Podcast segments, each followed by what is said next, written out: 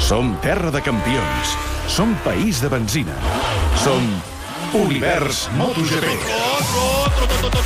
Arrenca MotoGP, ara, quan us ho diem nosaltres, els de Catalunya Ràdio. 19 transmissions.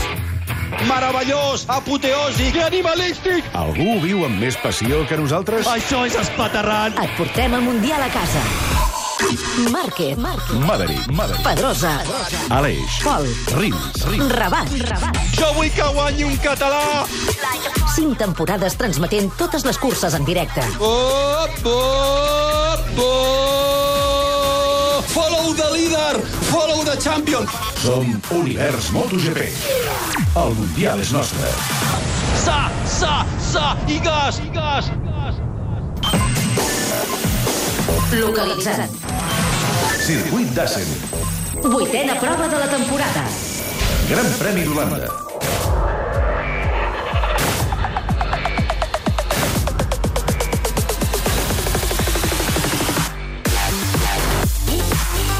El Mundial està obert. Líder Márquez, 115 punts, segon Rossi, 88, i tercer Viñales amb 77. Més lluny comença a treure el cap Jorge Lorenzo, amb dues victòries consecutives i 66 punts al Sarró.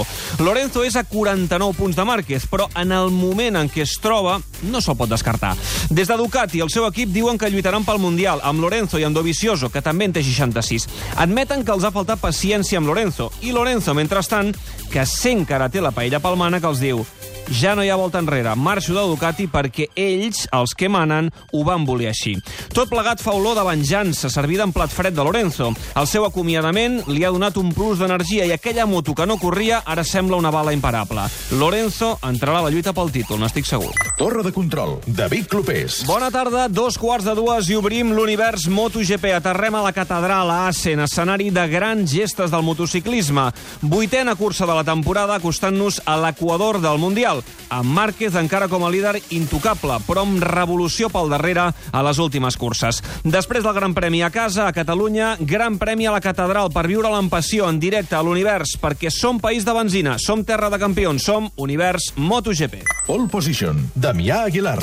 Bon dia des d'Holanda. La sempre variable Holanda ha robat el sol perquè la cursa d'avui sigui inoblidable. 24 graus de temperatura a Assen, la catedral del motociclisme. Paddock. Oriol Rodríguez. Ja s'han disputat dues curses. En Moto3 la victòria està per Jorge Martín al davant d'Aaron Canet i Andrea Bastianini. En Moto2 victòria per Peco Banyaya Centre al davant de. Fabio Quart... Al davant de Fabio Quartararo i Àlex Márquez. En joc l'última jornada dels Jocs Mediterranis, la final de la competició masculina de voleibol, jugant Itàlia contra Espanya, guanya 2 sets a 0 la selecció italiana. Pit Lane. Sergi Camps. Marc Márquez ha celebrat en diversos tuits la seva primera pole a Assen a MotoGP. Entre els missatges de Twitter sobre la cursa amb el hashtag Univers MotoGP, nosaltres sortegem una maleta Roncato. Movistar Plus us ofereix aquest espai. Univers MotoGP és una producció del Tot Gira. Però que fort, però que animalístic. Això és l'univers MotoGP. Rebutgeu imitacions. Sa, sa, sa, i gas.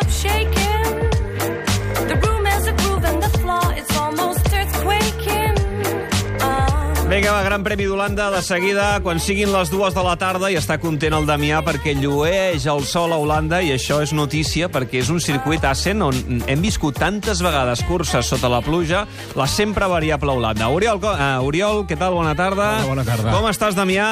Hola, molt bé, molt bé. Eh, quin sol, eh? Oh, fantàstic. A més a més, un sol d'aquell que, aviam, sí, crema, però són 23-24 graus, que encara no és eh, sufocant, diguem-ne, que, que per ser la, les latituds que som, la veritat és que s'agraeix moltíssim. Diguem-ne que és la temperatura i el, la climatologia ideal per veure una gran cursa, perquè ja fa dies que el Damià em diu pinta bé Assen, i després de veure els entrenaments oficials d'ahir, els resultats, que ara de seguida comentem, encara fa més bona pinta. Uh, Damià, avui ens uh, um, acompanya un analista convidat, que és molt bon amic teu. Eh? Sergi Mejías, periodista, ell va molt, molt, molt amb moto, eh, de, dels que conec és el que va més amb moto, i, i a més a més que bé, coneix bé aquest paddock del Mundial de Motociclisme, coneix els pilots dels quals avui parlarem i sobretot doncs, també té aquesta perspectiva que ens agrada tant, que és la perspectiva sobre d'un manillar d'una moto per explicar-nos les sensacions durant la cursa. Sergi, què tal, com estàs? Benvingut. Molt bona tarda. El tenim aquí a l'estudi de Catalunya Ràdio amb nosaltres. Uh, ho podrà veure tot i ens ho explicarà tot. Uh, D'entrada, uh, tu que ets bon motorista, bon aficionat al motor, que segueixes la informació del motor des de fa molts i molts anys, què n'esperes d'aquesta cursa? M'has dit abans d'entrar, serà espectacular.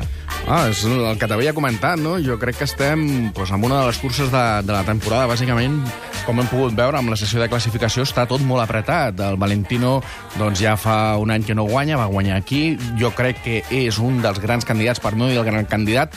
Marc no es deixarà guanyar i jo crec que a partir d'aquí, amb una mica més d'ingredients, pot ser una cursa molt interessant. Amb aquesta mm, dada eh, que explicàvem ahir, ahir tot just el Marc va aconseguir per primera vegada a la seva carrera a MotoGP, ho havia fet en Moto2 però no en MotoGP, la pole position. Sí que és veritat que ha guanyat a Assen, però no havia aconseguit mai la, la pole position. A veure, quin ambient ens trobem aquí a Assen? Um, quin color domina la graderia? Hi ha més aficionats de Rossi, com eh, passa pràcticament a tot arreu, del Marc...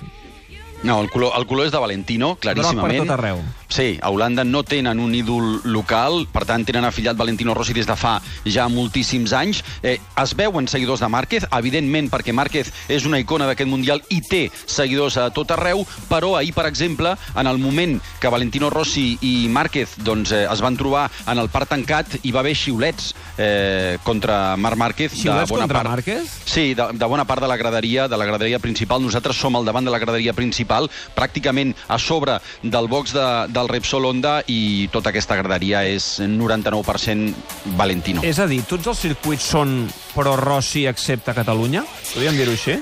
Sí, no? Depèn. Home, els circuits d'Espanya aquí segurament Bé, hi, clar, ha, hi ha la part de. Lorenzo, la part de Márquez, la part de... Saps? De, de... Valentino està present a tot arreu. Això està claríssim. I aquelles aficions que no tenen un ídol local, perquè, per exemple, França havia estat sempre de, de Valentino al 99%, però Ara ara, ara que tenen Zarco. Ara ara que tenen Zarco, la cosa comença a anar una mica de, de, de baixa a favor de Valentino. Em crida l'atenció això, Sergi, perquè després del que va passar a l'Argentina i de l'estirabot de, de Rossi, que va pixar fora de test criticant el, el Marc, encara hi mantingui doncs, el Valentino aquesta tirada a tot arreu. Que pitjor va ser en el 2015 a Malàisia i estem Bé. veient a cada circuit doncs, que la gran número d'aficionats és sempre Rossi i serà. Aviam, és un pilot que ha guanyat nou títols mundial, és un pilot que s'ha sabut posar la butxaca a, a l'afició i és el que més temporades porta aquí. A partir d'aquí, doncs, la, la guerra contra el Rossi, com si diguéssim, doncs, bueno, és gairebé impossible. I ja ens han explicat moltes vegades els pilots, quan els hem tingut aquí en directe a, a l'Univers MotoGP, que escolten el que passa a la graderia. Eh? Malgrat estar sobre la moto, se sent el que passa i senten eh, eh, els crits i, i els xiulets si, eh, si arriben de, des de les graderies del, dels circuits. A veure, Oriol, repassem aquesta graella, eh, perdó, aquesta classificació general del Mundial de MotoGP, com arribem aquí a Holanda, després de set curses. Doncs mira, Márquez és líder amb 115 punts. A la segona posició trobem Valentino Rossi amb 88, això vol dir que n'hi ha 27 de diferència. Tercer, Maverick Viñales amb 77 a 38 del de Cervera. Zarco és quart amb 73. A partir d'aquí, Petrucci 71. Crutchlow 69. I a la setena posició, triple empat entre Lorenzo, Dovizioso i Anone a 66. Això vol dir pràcticament dues curses a diferència, 49 punts de Márquez. Hi ha molta distància, Sergi, però no donem, oi, el Mundial per tancat, ni molt menys? Gens. La temporada passada Marc Márquez ja ens va demostrar com se li podia donar la volta a un campionat en aquesta situació, com comentàvem ara, doncs té, res, una cursa i escaig de, de, d'avantatge sobre el Rossi i aquí mateix podria donar doncs, bueno, un canvi. Ja veurem què passa. Assen, que és un circuit que ara ho deien, que potser no és el que se li dona més bé a Honda i a Marc Márquez, tot i així, Oriol, eh, els seus resultats, els del Marc aquí a la catedral, no són tampoc tan dolents en cursa. Mira, des del 2013 Márquez sempre ha pujat al podi. En victòria, Sempre al podi, eh? Sí, en, en victòria l'any 2014. Rossi, tres victòries des del 2013, curiosament en anys imparells, això vol dir que avui no li toca, l'any que ve sí, 2013, 2015 i 2017. I l'altra victòria va ser el 2016 per Miller.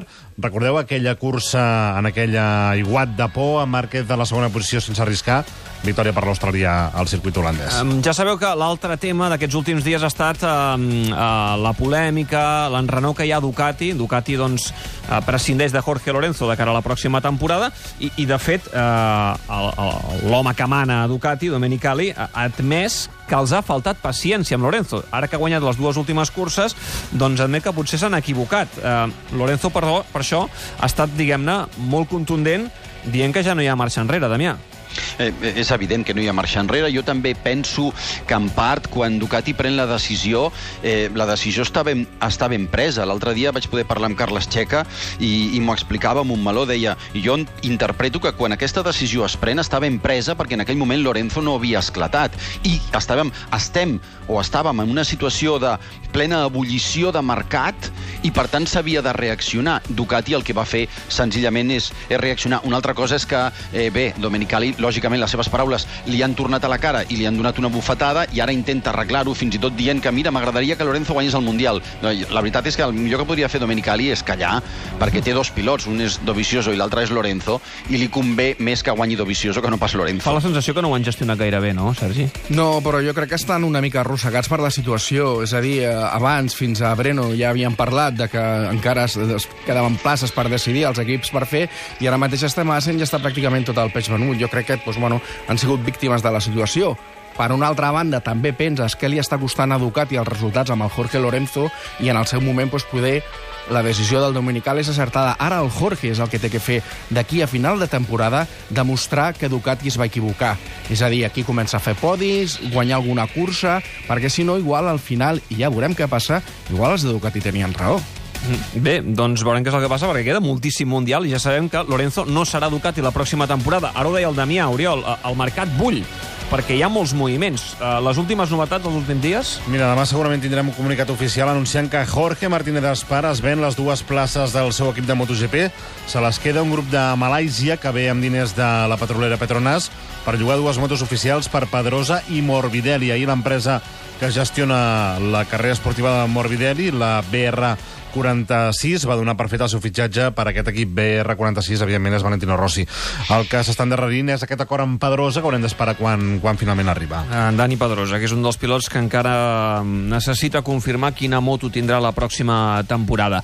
Uh, molt bé, uh, deixeu-me que passi per Tarragona. Avui s'acaben els Jocs Mediterranis, en parlarem aquesta tarda del Tot Gira. De fet, la competició s'acaba aquest migdia. Tenim el Carles Vila, el Tarraco Arena, uh, està seguint la final uh, del torneig de vòlei masculí, on hi tenim uh, un català a l'equip espanyol. Carles, què tal? Bon dia. Bon dia, David. Ha acabat ja aquesta final o encara tenim partit en joc? Encara tenim partit en joc. Semblava que anava per la via ràpida, després que Itàlia guanyés els dos primers eh, sets, a més a més el segon amb molta diferència. Recordem que Itàlia és una de les grans potències en el voleibol, campiona en sis ocasions del Campionat d'Europa, medalla plata als Jocs de Rio, però en el tercer set eh, posar la directa en aquest sentit l'equip espanyol que eh, domina per 13 a 10. Encara queda molt, però allò que de moment es veu més igualtat del que no s'havia pas vist en els primers dos sets. És uh, l'última competició, podríem dir, d'aquests Jocs Mediterranis, juntament amb la final d'handbol.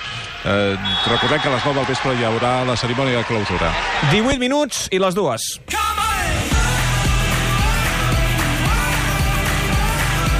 Va, repassem el que ha passat abans a les curses de Moto3 i Moto2, Oriol. Mira, la victòria per Paco Banyaia, per Peco Banyaia, al davant de Com li has dit, Paco Banyaia? Sí. M'agrada molt Paco Banyaia. Mira, gairebé m'agrada més. Sempre ens en Paco. fotem del Damià quan eh, aquell dia que va narrar la victòria de Banyaia i va dir guanya Banyaia, guanya Banyaia. És molt difícil de dir. Mira, M'agrada més Paco que Peco, per tant... Uh, Paco Banyaia. Peco Banyaia per davant Damià, de a partir d'ara, Paco Fabio- Banyaia. Fabio Quartararo i Àlex Márquez, que avui ha aconseguit pujar al podi. Alerta perquè la General Banyaia recupera la primera posició amb 119 punts, un més que Oliveira, que en té 118, Àlex Márquez a 25 punts de Banyaia, per tant, una cursa de, de marge. I a Moto3, tot i que ha corregut lesionat, Jorge Martín ha acabat guanyant per davant d'Aaron Canet i d'Andrea Bastianini. Jorge Martín torna a ser líder de Moto3 amb dos punts més que Marco Bezzecchi, que avui ha caigut, i, 20, i 14 més que Fabio Di Gian Antonio. Per tant, Martín recupera el liderat, també ho recupera Peco Banyaia a la categoria de Moto2. I el Damià Aguilar, després d'aquesta cursa de Moto3, ha parlat amb el líder del Mundial de Moto3, amb el madrileny Jorge Martín. Bueno, eh, la caída del otro día fue bastante complicada, pero, pero bueno, eh, cada día he mejorado mucho, sí que cada vuelta me encontraba mejor y esto es importante, sobre todo porque creo que esta semana me recuperaré perfecto y ya podré estar en la siguiente carrera. Eh, el problema que, que venía de la otra lesión y pues me, la he vuelto, me he vuelto a estirar un ligamento de esa misma pierna. Entonces ha sido como el doble, pero bueno, en carrera no es que tuviese dolor, sino que mm, el pie derecho no lo puedo levantar del freno. Entonces ahí pierdo dos o tres décimas por vuelta que, que son importantes. Pero bueno, aún así he conseguido hacer una, una buena carrera, he estado en el grupo. Me estaba costando a mitad de carrera, pero cuando he visto que McPhee estaba segundo, nadie quería tirar, pues he decidido tirar yo y he sacado esos metros que me han, que me han dado la victoria. Mm, Otra vez líder, que de alguna manera se hace un poco de justicia, ¿no? Por toda la mala suerte que has estado teniendo. Bueno, seguramente nos lo merezcamos. No, no lo busco porque yo intento ganar carreras, siempre lo he dicho. Quiero, quiero estar donde estoy hoy, trabajar muy duro para, para conseguir victorias. Y, y ahora, a partir de ahora, lo mismo sí que tenemos que pensar más en, no en el campeonato, pero sí que acabar carreras, porque esto de ganar o, o cero, pues no es bueno. Eh, pensaremos en ganar o podium, que, que és más bonito. 15 minuts i les dues, repassem la graella de sortida del Gran Premi d'Holanda.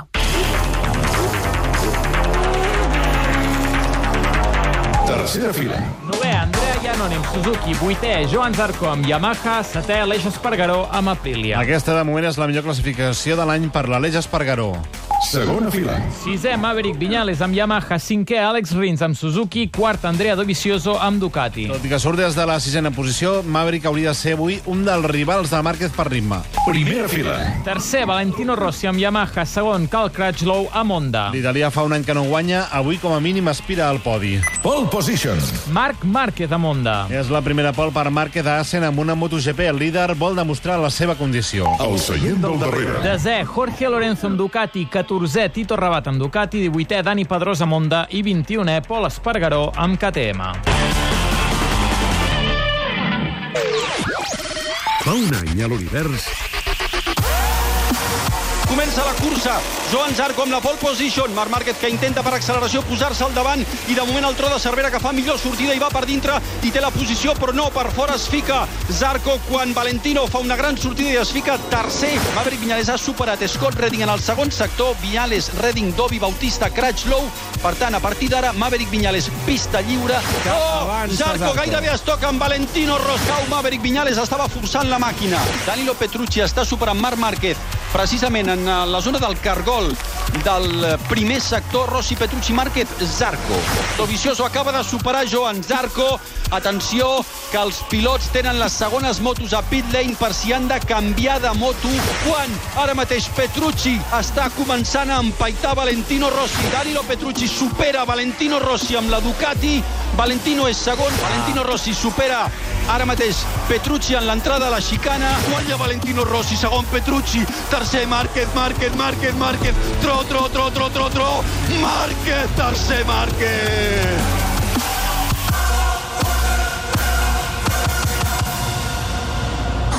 Trending GP. Com sempre, tenim una maleta roncato en joc entre els missatges sobre la cursa a Twitter amb el hashtag Univers MotoGP, com ha fet el David, que diu victòria de Marc i títol a la butxaca. El Gerard, amb Márquez sortint primer, té la pista neta i pot guanyar. I el Roger Prats, avui el tro anirà a per totes. També la gent del motor que ha fet tuits aquest cap de setmana destaca un vídeo que ha fet eh, el compte oficial de MotoGP sobre la gesta barra imprudència de Jorge Lorenzo Assen l'any 2013. Ja ho sabeu, Lorenzo es va fracturar la clavícula en els entrenaments i 48 hores més tard va acabar cinquè en la cursa. I a banda d'aquesta maleta, ja ho sabeu també que tenim un segon premi, que és aquest lot de caves Verdier, que posem en joc al nostre Facebook, facebook.com barra totgira. En aquest cas heu d'encertar el podi de la cursa i entre els encertants sortegem aquest fantàstic lot, lot de caves Verdier. És molt difícil, i de fet aquesta temporada no sé si ningú ha encertat encara Sí. el podi. Sí, la setmana, la cursa passada, hi va haver-hi dos o tres encertants. A Catalunya. Sí. Eh, a Catalunya la van encertar, Sí, sí, perquè, sí. clar, és un, és un mundial on, de moment, encertar el guanyador potser és més fàcil, però els tres primers, amb tantes sorpreses que estan havent-hi, és complicat. I recordem que tanquem votacions quan comenci la cursa. No val allò d'esperar-se a l'última volta per eh, clavar-ho.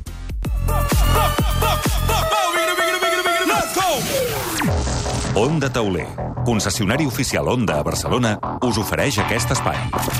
Moments universals.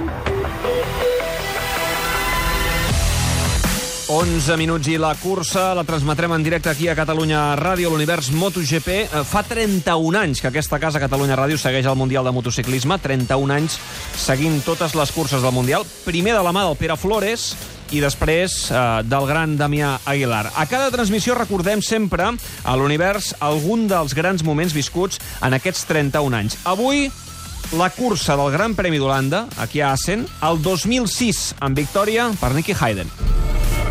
La cursa del Gran Premi d'Holanda del 2006 la recordem per diversos motius, perquè va ser la segona de les tres úniques victòries que el desaparegut campió Nicky Hayden va aconseguir en 13 anys a MotoGP. També perquè la victòria se la van jugar dos nord-americans, Hayden amb Honda Repsol i Colin Edwards amb una Yamaha groga de fàbrica de quan encara el tabac pintava motos. El dissabte 24 de juny de 2006, a la pole, hi ha el nord-americà John Hopkins. We have a new man in pole position. It's the Anglo-American John Hopkins riding the Suzuki. Alongside him, also chasing his first MotoGP win, Shinya Nakano. Alongside him, Colin Edwards, also chasing that first victory. Nicky Hayden surt al quart. En una volta es posa tercer, en nou voltes es posa segon i roden plegats 15 voltes més sense que res canvi, fins a dues voltes pel final, en què Hayden ataca, agafa el lideratge i aprofita una errada d'Edwards. Two laps to go. Nicky Hayden up the inside on the brakes. Nicky Hayden takes the lead. Hayden, oh, and Edwards has run off the track. Edwards has run off. Hayden està desesperat. Volia una segona victòria al Mundial després de l'aconseguida l'any anterior a Laguna Seca. Edwards estava encara més desesperat. Volia la primera. Hayden inicia la darrera volta amb dos segons d'avantatge sobre el texà. Colin Edwards és capaç d'atrapar-lo a tres revolts pel final. Entren a la xicana final en paral·lel. Hayden se surt a la grava i quan Edwards semblava que tenia la victòria neta, trepitja la sorra sortint de la xicana i cau. Ningú s'ho creu. Edwards side by side, and Colin Edwards has retaken the lead. Edwards has retaken the lead from Nicky Hayden. Colin Edwards chasing his first ever Grand Prix victory. They're into the chicane. Oh, Hayden and Edwards side by side. Edwards holds the advantage. Hayden's got into the dirt. Unbelievable. Nicky Hayden crosses the line. Colin Edwards has gone down in the dirt, would you believe it? Colin Edwards had the checkered flag in sight. Hayden surt d'Holanda reforçant encara més el seu lideratge al campionat. Everybody was telling me, oh, be careful. Tothom em deia, avui has d'anar en compte, acaba la cursa... Tothom té la seva opinió, però he tingut bona moto i he seguit el pla que és extraure el millor de la moto cada diumenge i sumar els màxims punts. I avui he pensat que sumar 25 punts era possible. S'havia d'intentar. You know, we had to go for it. Hayden en 13 temporades va aconseguir 3 victòries. Colin Edwards en 12 temporades no en va aconseguir cap. Onda Tauler, diagonal cantonada Passeig de Sant Joan a Barcelona, us ha ofert aquest espai. Onda Tauler marca la diferència.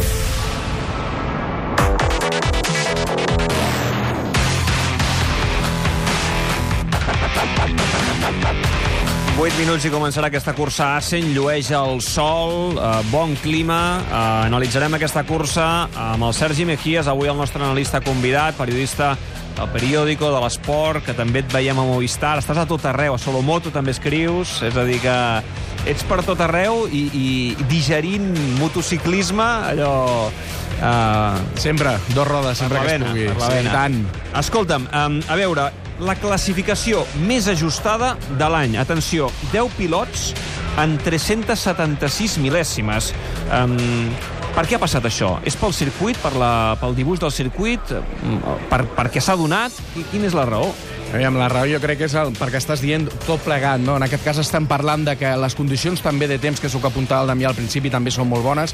A partir d'aquí, això demostra que la igualtat cada cop és més gran. Jo crec que Assen també és un circuit que col·loca no tothom en el seu lloc, però sí que iguala una mica més les coses. És un circuit molt fluid, no hi ha frenades molt fortes. A partir d'aquí, doncs, bueno, jo crec que, com hem pogut veure, les Yamaha ja estan una mica més cap endavant, Ducati sempre estaran allà, i el Marc Márquez ha posat la resta. També l'arribada del, del, del pneumàtic asimètric, com va passar doncs, a, aquí al, al Gran Premi de Catalunya, a Montmeló, doncs també és un ingredient més a tindre en compte. Per tant, avui eh, és molt difícil fer travesses, és molt difícil apostar per algun pilot. Molt complicat, a més a més, amb, amb totes les ànsies que hi haurà a la sortida, que serà un moment molt delicat. Per què? Perquè inclús el, Jorge Lorenzo, no, que vam veure pues, de tindre al pole a sortir desè, doncs intentarà fer una sortida molt ràpida. Per què? Perquè la primera volta normalment ja, ja es trenca una mica la cursa, no? S'escapen 5, 6, i el que no voldrà ningú és quedar-se fora d'aquest grup davanter i com està tot bon apret, tan apretat, mm, serà, doncs, com comentàvem, no? un, moment, un moment molt calent. Jo no sé si la lluita entre els pilots, eh, entre Movistar, Yamaha i Ducati Shell en aquest Mundial està afavorint també el Marc. Bueno, uh, sí, la veritat és que bueno, el tenim davant i la veritat és que la, la batalla que porten no de cares cap a fora, però sí que el teu primer rival, com, com, com es diu, és el, el teu company del box i entre el Márquez i, i, el, i el Rossi, ai, el Viñales i el, i el Rossi, doncs, bueno, vulguis o no vulguis, també els està faltant poder, en el cas de, del Maverick, pues, trobar-se una mica més a gust amb la moto, a partir d'aquí el, el que surt guanyant pues, és el, el Marc, perquè es queda, bueno, en amb un rival menys. A, avui no perdem de vista l'Alec Rins, eh? Amb la Suzuki, surt des de la cinquena posició, per tant, està fent bons eh, entrenaments aquesta temporada, el que passa que després en cursa sí que és veritat que va fer un podi, però mm, és un pilot que està començant bé la temporada, almenys en els entrenaments. Sí, ara el que comentaves, no? Té que acabar bé la cursa. És una cursa molt llarga, aquesta d'EAS, en són moltes voltes. Aquí la, la gestió dels pneumàtics serà molt important i poder és una mica el que li falta a l'Àlex. Recordem que la temporada passada del Rins va estar marcada doncs, per les ausències, per lesió, pels problemes físics que va tindre. Bueno, vulguis o no vulguis, doncs ara és el moment que li toca a ell doncs, estar amb el grup de davant i no, fer un màster accelerat. I el Dani, què li passa al Dani Pedrosa? Perquè avui el veiem molt, molt endarrerit en aquesta 18a posició. Jo no sé si és que està una mica capficat a tot el tema contractual, el seu futur, però no és normal veure el Dani tan enrere. Segur que sí. Hi ha molts cops que la vida dels pilots, més enllà de, de l'esport, també la podem extrapolar en la nostra vida pròpia. Si tu no saps realment el, el teu futur laboral quin serà, vulguis o no vulguis, això en el teu dia a dia t'afecta. Estem parlant de pilots d'èlit, estem parlant dels millors pilots del món de MotoGP. A partir d'aquí posa el Dani d'una manera o altra li pot afectar com ja li va afectar a, Mugello. Eh, vinga, va, mulla't, Sergi. Per qui apostes avui? Jo avui aposto pel Rossi. Pel Rossi. I tu, Damià? Viñales. Per Viñales. Uh, Oriol? Dovizioso. Dovizioso. Molt. Valent. Sou els, sou els tres que en sabeu, per tant, cadascú en, en diu un de diferent. 4 minuts i comença la cursa. La xarxa Fort de Catalunya t'ofereix aquest espai. Damià Vol. Avui que el Cratchlow surt a la primera fila de la graella, eh, l'excampió del món de Supersport eh, s'ha guanyat un lloc entre els millors pilots del món, però arribar-hi, Damià, no és fàcil. Cratchlow explica que la seva primera cursa el van doblar quan creia que la guanyaria. Jo em creia l'ídol local, em creia el millor per a aquells circuits i pensava que ningú podria guanyar-me. I la realitat és que en aquella cursa hi corria també que no només em va avançar, sinó que em va arribar doblant la meva primera cursa. Allò em va destrossar. Deixem que els oients descobreixin qui va doblar Cratchlow en la seva primera cursa. Ja sabeu eh, que, com sempre, eh, aquests tastets que us fem al Damià Wall, l'entrevista sencera, les entrevistes senceres, les podeu trobar al nostre web, al web de l'univers MotoGP, catradio.cat barra MotoGP. Eh, en aquest cas trobareu l'entrevista amb Cal Cratchlow, que encara li dius al senyor Feudal, no, tu, Damià? Jo crec que serà el senyor Feudal tota la vida. Eh, Ja, ja ni me'n recordo per què li deies al senyor Feudal. Perquè va tenir un atac de gota. Ah, sí, sí, sí, clar, i la gota és uh, la malaltia o la, la, no? Dels, de, de la gent Sí, a la- rica, a no? l'edat De... mitjana, a l'edat mitjana Sí. els, els rics que només menjaven caça tenien tots gota. És molt bé, és una mica allò eh? complicat de- d'entendre el perquè del sobrenom, però vaja. Cal Cratchlow, el senyor Feudal, l'entrevista sencera la trobareu al Damià Wall, al nostre web, a l'univers eh, MotoGP, catradio.cat barra MotoGP. Quan escoltes per primer cop... Tens un Ford Kuga amb motor EcoBoost per 17.950 euros. És com escoltar per primer cop... T'estimo. O un... Sí, vull. Escoltar per primer cop tens un Ford Kuga amb motor EcoBoost per a molts el millor motor gasolina del món per 17.950 euros. És irrepetible. Finançant amb FCE Bank. Condicions a Ford Ponès i només fins a final de mes. Xarxa Ford de Catalunya.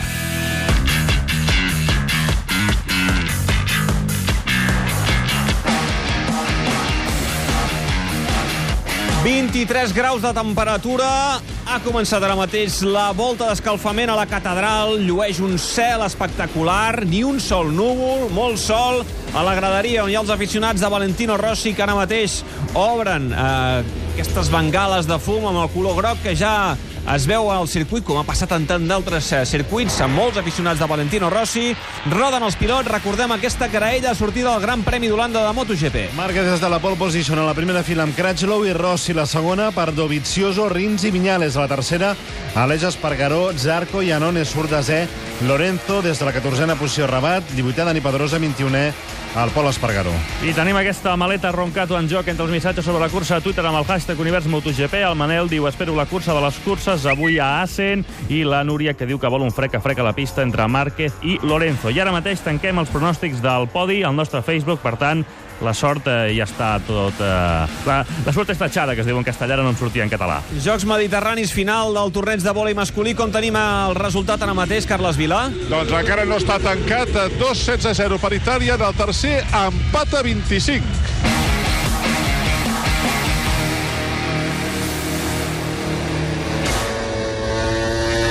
Ens posem en mode univers. Podeu anar a la platja i podeu oblidar-vos la tovallola, la crema i potser el vestit de bany, però la ràdio o l'smartphone amb l'APP de Catalunya Ràdio mai de la vida. 105.000 espectadors avui aquí a la catedral. Això sí que és una catedral. El Mundial del passat era més romàntic. Essen ens, ens aboca aquell romantisme